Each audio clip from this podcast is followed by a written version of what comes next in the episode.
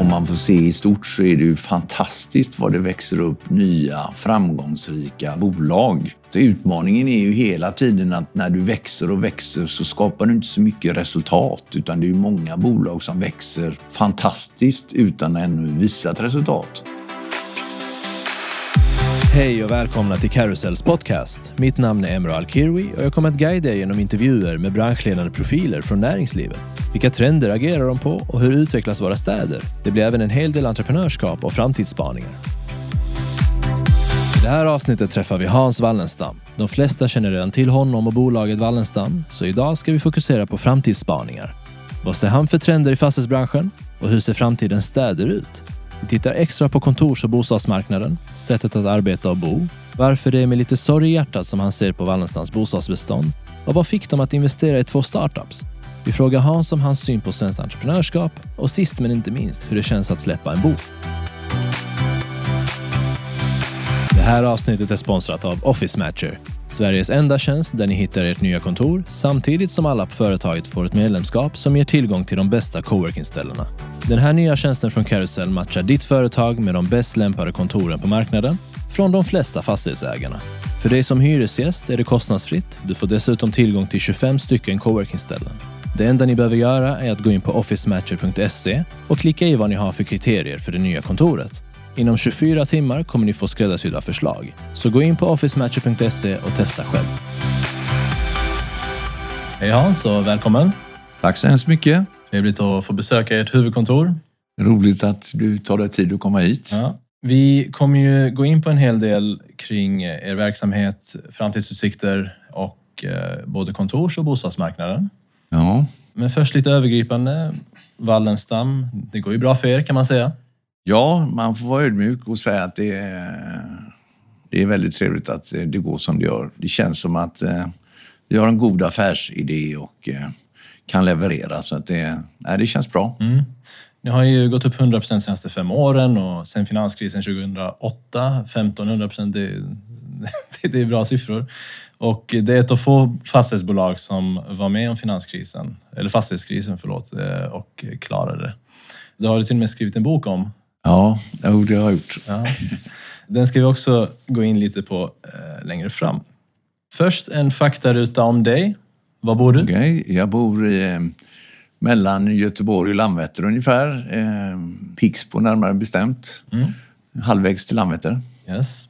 Familj? Ja, jag har fru och eh, fyra döttrar. Och ett barnbarn. Ah, grattis, kul. Tack så mycket. Vad läser du? Jag läser, jag är ju lite nörd så det blir väl mycket ekonomisk litteratur. Sen har jag hållit på mycket med mitt bokskrivande så det har ju blivit mycket kring det. Och eh, sen är det nog skönlitterär eh, deckare typ. Vad eh, tittar du på? Jag är ju lite sportnörd så det blir ju väldigt mycket sport jag tittar på. Och det är väl kanske också att det är lite live. Det är ju trevligt. Allting är ju inspelat idag när man eh, tv-program och allt är ju dåtid på något sätt. Men sport är ändå live. Så jag, jag kollar mycket sport. Din största upplevelse i karriären? Största upplevelse det är väl när man får barn, men det är ju inte karriären. Men eh, min största aha-upplevelse det var väl när man kom ur fastighetskrisen och kände att ja, nu bär det. Det var nog den största upplevelsen totalt sett som jag upplevt. Sen är det ju alltid roligt att träffa människor och när man gör affärer. Det kanske inte är affären alltid som man kommer ihåg, men man kommer ihåg vilka människor man träffar. Så relationer är viktigt också. Bra segway. Nästa fråga är intressantaste personen du mött? Ja, jag har ju fått den frågan under åren och jag kan faktiskt inte svara på den att det är en person utan jag är kanske eh, väldigt intresserad av människor. Så att jag tycker ju att det är väldigt roligt att träffa människor överhuvudtaget.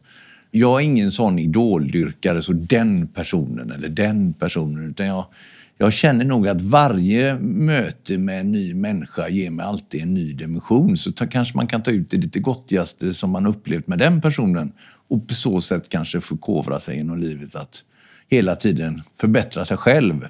Men det jag, tror, jag tror alla människor har någonting att ge där. Bra svar. Har du något köp som du ångrar? Jag brukar faktiskt sällan titta bakåt. För man blir inte så mycket gladare om det är ett dåligt köp eller om det var ett extra bra köp eller så vidare. så vidare. Utan man är alltid på nästa puck. Och är det någonting som är lite jobbigt, någon fastighet eller någon, någon händelse, så gäller det bara att arbeta med den. Eh, så att eh, det finns väl egentligen inget köp som jag ångrar. Det gör det inte. Nej. Och slutligen, vad var du bäst på i skolan? Jag var ju inte så framgångsrik i skolan alls faktiskt. Men jag, det jag nog kanske är stoltast över min skolgång det är att jag kämpade genom hela skolgången och till och med kämpade mig genom universitetet med handelsstudier. Så att jag liksom tog mig igenom skolan ändå på ett sätt som jag är stolt över. Sen kanske det inte var något enskilt ämne, men skulle det vara något så är det nog matte. Mm. All right. Om vi går in lite på Wallenstam. Eh, de flesta vet ju vid det här laget vad ni är för bolag. Men vill du kort beskriva bolaget och eh, så kan vi gå in på lite framtidsspaningar därefter. Ja, vi är ju ett fastighetsbolag eh, men också ett byggbolag fast vi bygger ju då för egen förvaltning så att de husen vi bygger behåller vi ju till 95 procent. Sen så har vi både kommersiellt och då är det ju absolut mestadels centralt i Göteborg. Och sen är det bostäder och det är Göteborg då naturligtvis också, men det är också Stockholm. Vi har väldigt mycket bostäder. Och så har vi också på senare år byggt för egen förvaltning i Uppsala. Så det är de tre regionerna vi verkar i. Mm. Och du personligen, vad, vad jobbar du mest med nu för tiden? Alltså på något sätt så är det så min funktion som VD när man har vuxit på så mycket. När vi var lite mindre så hade man ju mycket operativa saker som man skulle göra själv. Nu är väl min roll i en organisation som våran att vara mer olja i maskineriet. Så när maskinen går perfekt så kanske jag inte har så mycket att göra mer än gå runt och stötta alla eh, i verksamheten. Men det är ju alltid några, eh, någonting som händer. Eh, det är alltid något problem med bygglov eller någon produktion eller någon hyresgäst eller så vidare. Då försöker jag ju vara aktiv i de frågorna. Så min, min, min roll är nog att vara olja i ett maskineri. Och eh, på tal om det, hur, hur har det sett ut under pandemin? Hur har den påverkat Wallenstam?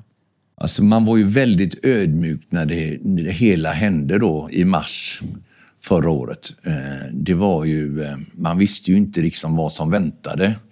Alla gick plötsligt hem över en dag. Jag hade Teamsmöte med samtliga mina anställda. Hade informationsmöte varje dag där ett halvår. Så det gällde ju att liksom hitta positiva saker som hände i verksamheten. Så jag hade alltid ett par, tre saker som, som hade hänt under gårdagen som jag tog fram som positiva saker. Så det gällde att stötta alla. Där kände jag väl att det, det fanns ett behov av det. Sen så blev det mindre och mindre.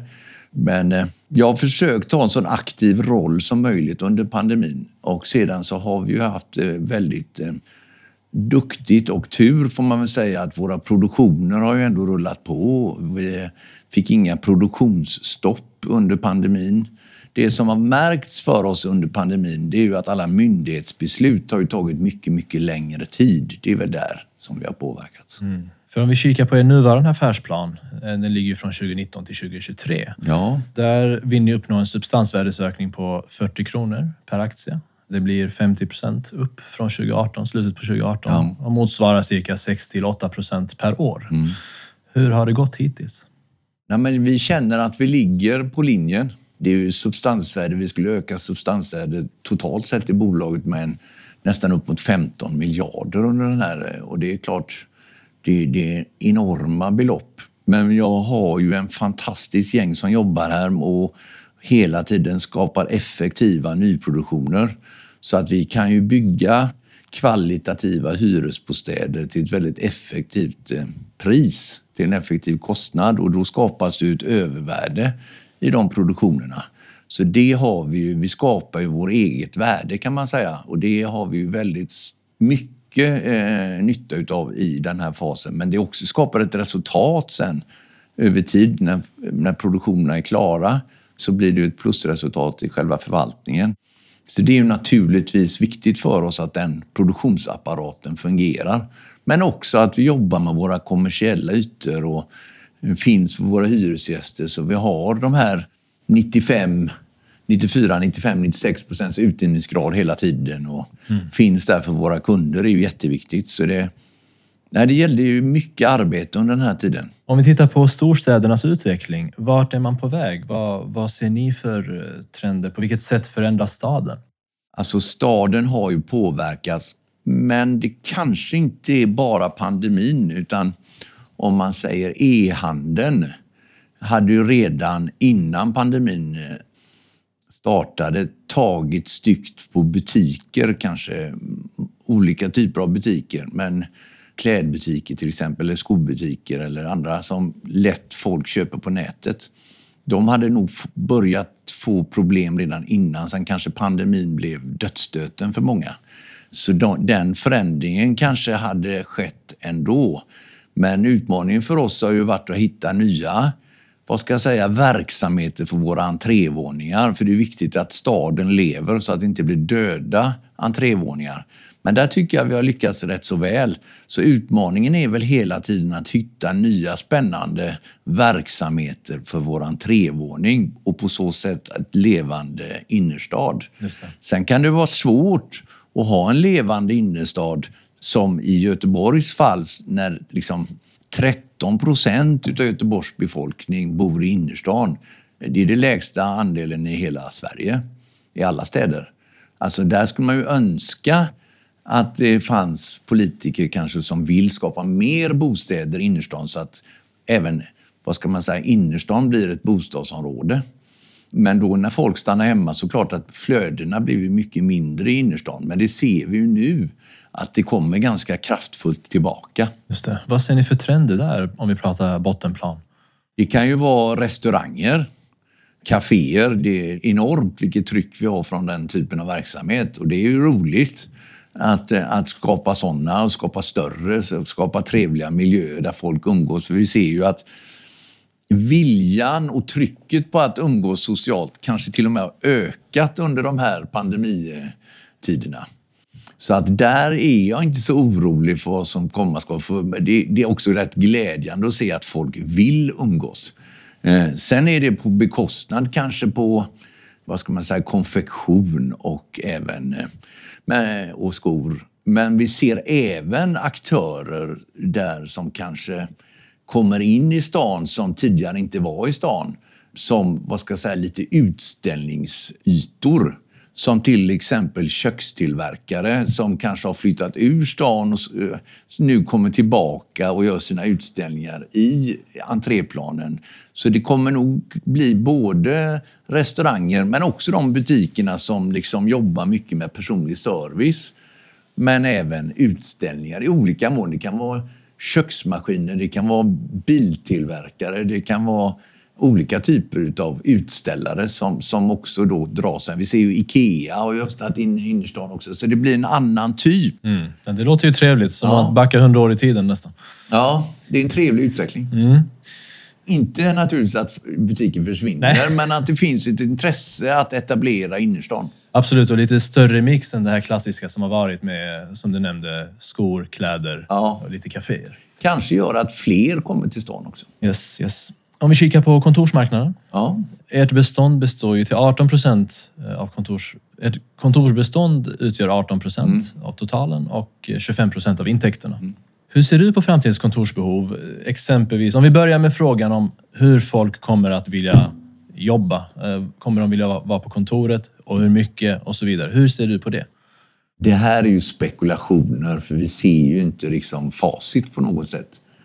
Men om jag skulle få eh, tillåta mig att spåna lite grann så tror jag man ser det nästan som ett arbetsredskap så som när datorerna kom. Att det blir liksom, det är inte om man jobbar med dator eller inte utan det blir en integrerad del i hela sitt förhållningssätt. Att ja, imorgon passar det att vara hemma och så gör man upp med sin chef eller att, att det, det kommer bli, det kommer smälta ihop det här arbetslivet jobba hemifrån. Kanske inte ens arbetstider utan det passar mig bättre på kvällen än på mellan 8 till 5. Eller, jag tror att arbete och fritid blir mer integrerat. Mm. Och tittar vi då ur arbetsgivarens perspektiv ytterligare, förutom att kunna erbjuda mm. flexibilitet, så ser man en hel del bolag nu som vill uppgradera sina kontor. Bekvämligheterna, allt från frukt och grönt och kaffe och gym och så vidare. Och många vill ju bygga en egen identitet, en branding. Mm. Hur ser du på det när det samtidigt blir ovisst? Eh, det är svårt att planera för hur stort kontoret ska vara mm. när man ändå inte är där varje dag. Det är ju också en, eh, liksom lite granna som eh, spåkula i detta. Men det vi märker som eh, kontorsfastighetsägare när vi pratar med våra kunder hur de känner, hur de vill ha det så kan man säga att det går ju mot, när vi gör våra lokalanpassningar och så, så går det ju mer mot att man vill ha mer sociala ytor. Man vill ha mer konferensrum, man vill ha mer lounger där man kan hänga, mindre kanske cellkontor. Det, så tror jag det blir. Men sen ser vi också många som sitter i kontorslandskap. Så där, nej, men vi måste ha mer kontorsrum så vi inte sitter så nära när pandemin är. Men det, det tror jag kommer ebba ut. Utan de där dagarna när man behöver stänga dörren och sitta på sitt rum hela dagen. De dagarna kan man ju absolut ta hemifrån istället. Så jag tror att när man väl är på kontoret så vill man ha möten, man vill ha socialt umgänge. Så därför tror jag att kontoren kommer anpassa sig mer till att bli ställen där man umgås och har möten. Just det. Och ur fast... Men det är ju mina spekulationer. Ja, absolut. Det är vi tydliga med här. Mm. Om vi utgår från fastighetsägarens perspektiv eh, vad gäller investeringar i kontor. För å ena sidan vill ju många hyresgäster ha korta avtal, flexibla avtal. Mm. Samtidigt så krävs kanske i en hel del fall högre investeringar för att lokalerna ska anpassas på mm. ett nytt sätt. Hur ser ni på balansen där mellan flexibilitet mot hyresgäst kontra investeringar som behöver räknas hem på ett kanske tre eller till och med fem års avtal? Mm. Jag tror ju att man får göra mer standardiserade produkter. Så det inte krävs en jätteombyggnad varje gång utan när vi väl uppgraderar ett hus, en fastighet, så kör man in alla bekvämligheter med kyla och eh, ventilation och öppna ytor och så vidare. Och, så vidare. och kanske en väldigt fin, eh, exklusiv kan man säga, golv och väggbeklädnad och så. Så att behovet av att förändra det igen blir mindre. Inte minst ur ett hållbarhetsperspektiv tror jag att när man visar eh, hur mycket som kan återbrukas istället för att slänga ut och bygga nytt så tror jag ju med tiden, men då gäller det att man väljer när man gör eh, toaletterna så gör man dem kanske i en standard så att det känns wow även för nästa hyresgäst. Så att, eh, eh jag hoppas att återbruket blir större när vi gör våra... Men då gäller det att vara, liksom, våga göra lite exklusivare investeringar. Vi på Carousel tycker att fastighetsmarknaden inom framförallt kontorssegmentet har stor utvecklingspotential. Det är därför vi har tagit fram Office Matcher som med digital teknik matchar er med de bäst lämpade lokalerna hos fastighetsägare och coworkingaktörer. Utöver det har vi vårt kontorsmedlemskap som gäller på 25 stycken coworkingställen där du med en månadsavgift får tillgång till samtliga. Den här tjänsten bjuder vi på i sex månader om du kommer till oss via Office Matcher, det vill säga att ni hittar ert nya kontor via oss. Läs mer på hejkarusell.com med engelsk stavning. Om vi går tillbaka till spåkulan, vad tror du skiljer de kommande tio åren från de senaste tio? Vad gäller trender, coworking, fastkontor, hemifrån, hybrid ja, och så alltså Jag tror ju att eh, om man får spekulera i coworking lite grann så tror jag ju att eh, det är ju här för att stanna.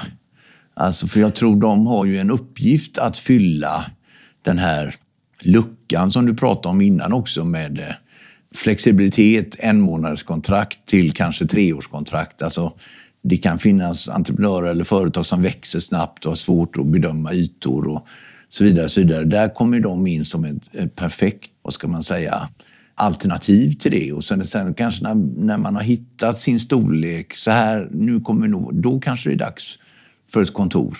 Eller om man har många medarbetare som jobbar i olika städer och så vidare. Så det, det, det är ett jättebra komplement. Mm. Eh, så att eh, de tror jag absolut på som ett kittel mellan vad ska man säga, traditionellt kontor och maximal flexibilitet.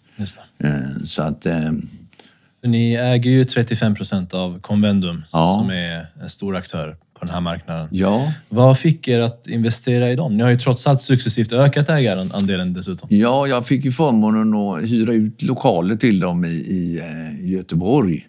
Och när jag hörde hur man tänkte så tänkte jag att det här är faktiskt det jag tror på i framtiden kommer vara den där överbryggan mellan full flexibilitet och eget kontor. Det, det som man inte får med sig i coworking, det är ju sitt eget brand.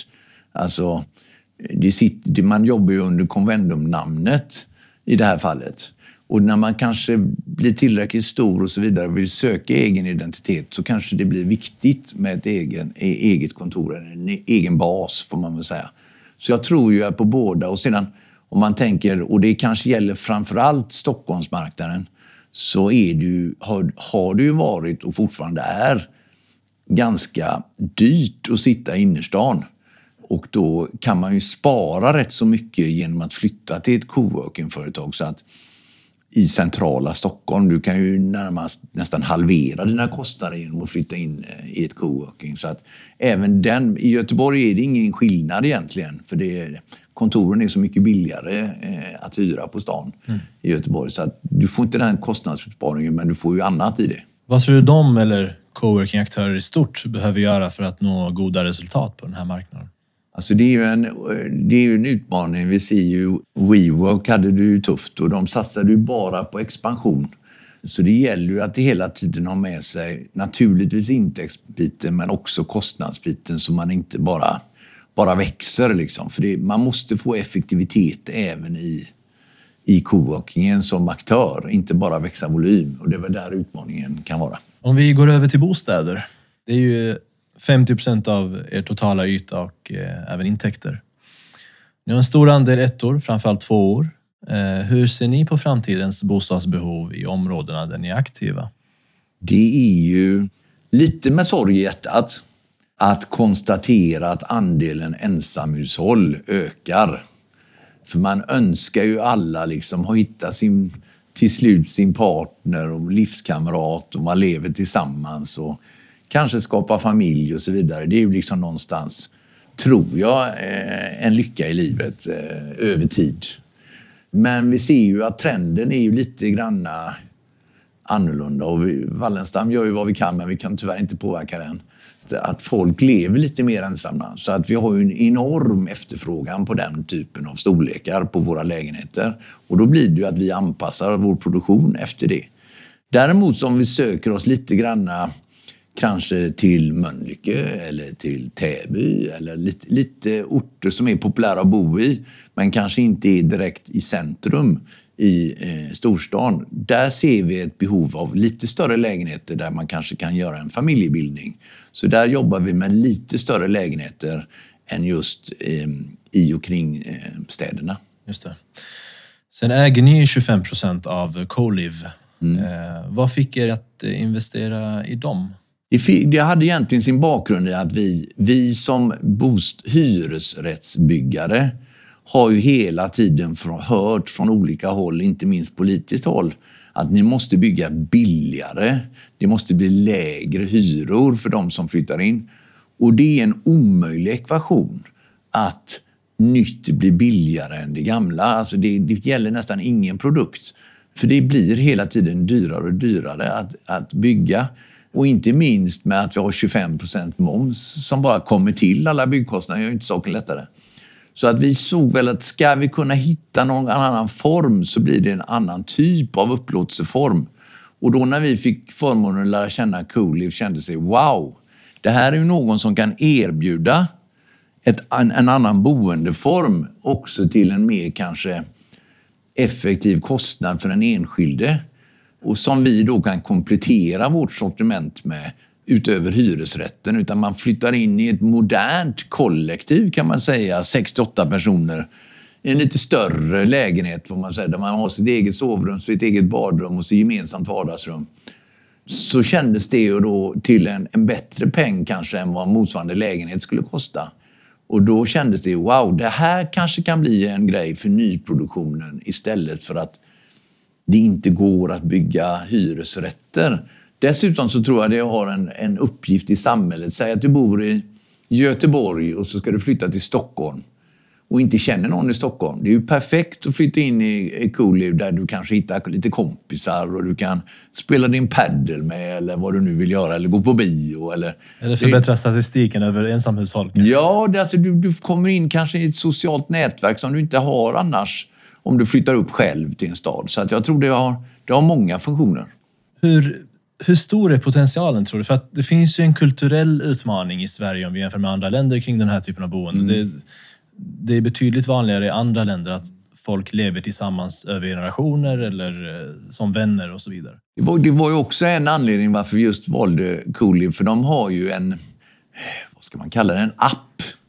En Tinder-app. Fast den har inte syftet att matcha ihop eh, par. Utan man får, eh, man får liksom eh, matcha ihop personligheter. Så man hamnar i det kollektivet som man kanske är närmast eh, i, i kulturella frågor eller sociala frågor. Är man en superslarver hamnar man inte med en pedant. Liksom. Utan där, där sållas lite grann, man liksom fackas in, eller man ska säga, i mer liknande, inte, inte direkt samma personligheter, men lite granna. Så man får ju fylla i den här appen och då komma in i rätt boende, för de har ju många olika boenden. Bara i Haninge så har de 14 olika kollektivboende som man matchas in i rätt. Liksom. Så jag hoppas att det kan vara en hjälp på vägen. Sen finns det ju alltid utmaningar. Det som alltid folk bråkar om det är ju städning. Mm. Så det ingår ju städning i, i om man väljer Coolers så man slipper det, trätas om det. Har du själv provat på appen var du skulle hamna? På Nej, jag har inte vågat. Okej, okay. eh, ja, men intressant uh, bolag.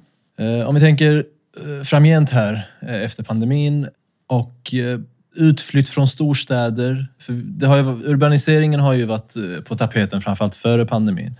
Nu pratar vi om utflytt från storstäderna. Eh, många mindre orter har börjat se storstadsmänniskor som nya eh, inneboende eller vad man ska kalla dem. Hur ser ni på det? Det är kanske svårt att dra de exakta trenderna naturligtvis med eh, exakt hur det kommer bli. Men jag tror ju att eh, har man större möjlighet att välja lite friare om, eh, med, tillsammans med sin arbetsgivare så klart att prisskillnaden är ju ganska stor för den enskilda familjen att flytta lite längre från stan. Sen kommer ju stan alltid ha sin popularitet. Alltså, så jag tror kanske inte minskningen kommer bli så kraftfull utan det kanske inte heller blir så stort steg att flytta från en liten, liten, liten ort till en lite större ort som ligger närmare stan än att flytta rakt in i storstan. Så att det blir väl en kombo av allting men jag tror att staden som eh, destination kommer inte minska i popularitet. Nej. För jag ser ju inte minst i form av vår egen eh, Wallenstams bostadskö den har inte minskat. Det är ju ett tydligt betyg. Ja. Om vi kan prata lite om din bok. Mm. Du nämnde att projektet har pågått i flera år och ja. Eh, nu släpptes den i somras 2020. Ja. Kan du berätta bakgrunden till boken och, och, lite vad, eh, hur det känns att släppa en bok? Ja, bakgrunden är ju den att eh, jag hade en enskild styrelseledamot, Erik Åsbrink, som eh, sa det att eh, jag vill att Wallenstam Hans släpper en bok om hur han tog sig igenom 90-talskrisen. Jag protesterade lite grann faktiskt i styrelsen, men styrelsen gick alla på den linjen för att hans point var egentligen att vi var ju det bolaget som gick igenom fastighetskrisen. En av de absolut få som gjorde det eh, under 90-talet. Så han ville ha en dokumentation hur, varför gjorde Wallen, hur kunde Wallenstam klara sig i den situationen när alla andra gick i konkurs? Han tyckte det var ett historiskt viktigt dokument. Sen är jag ju absolut ingen författare. Så det, jag fick ju en klump i halsen när jag också skulle försöka bli det. Men jag fick ju strålande hjälp av Antonia som, eh, som var min spökskrivare. Och till slut så fick jag faktiskt fram en produkt som jag känner mig ändå stolt och glad över.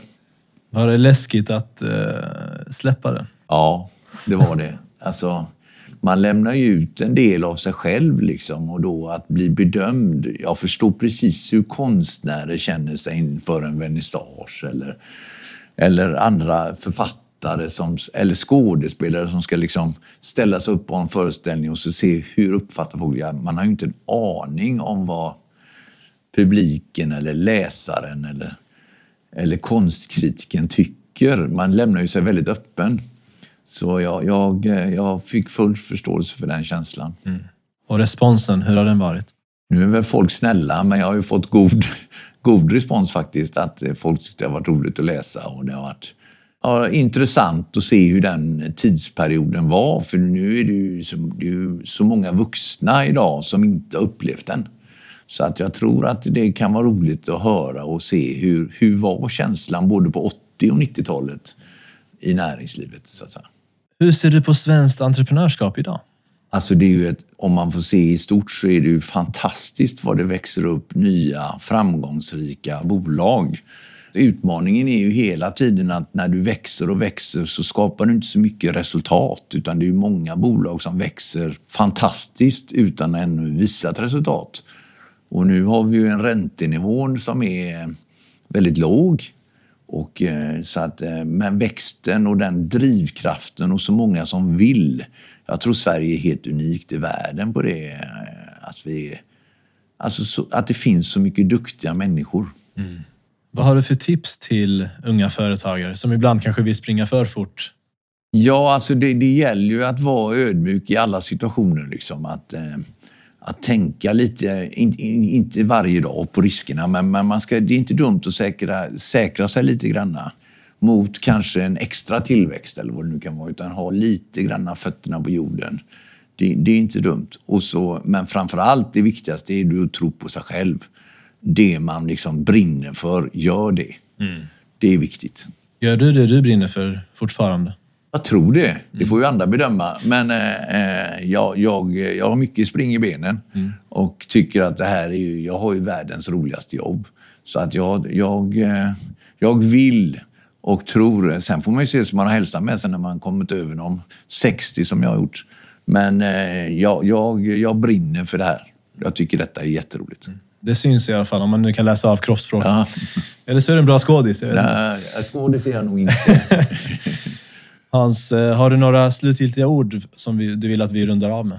Nej, inte men mer än att det var väldigt trevligt att få träffa dig igen och få vara med i din podd. Det är ju nära. Så att, eh, jag får bara tacka för det. Tack själv Hans. Tack så mycket.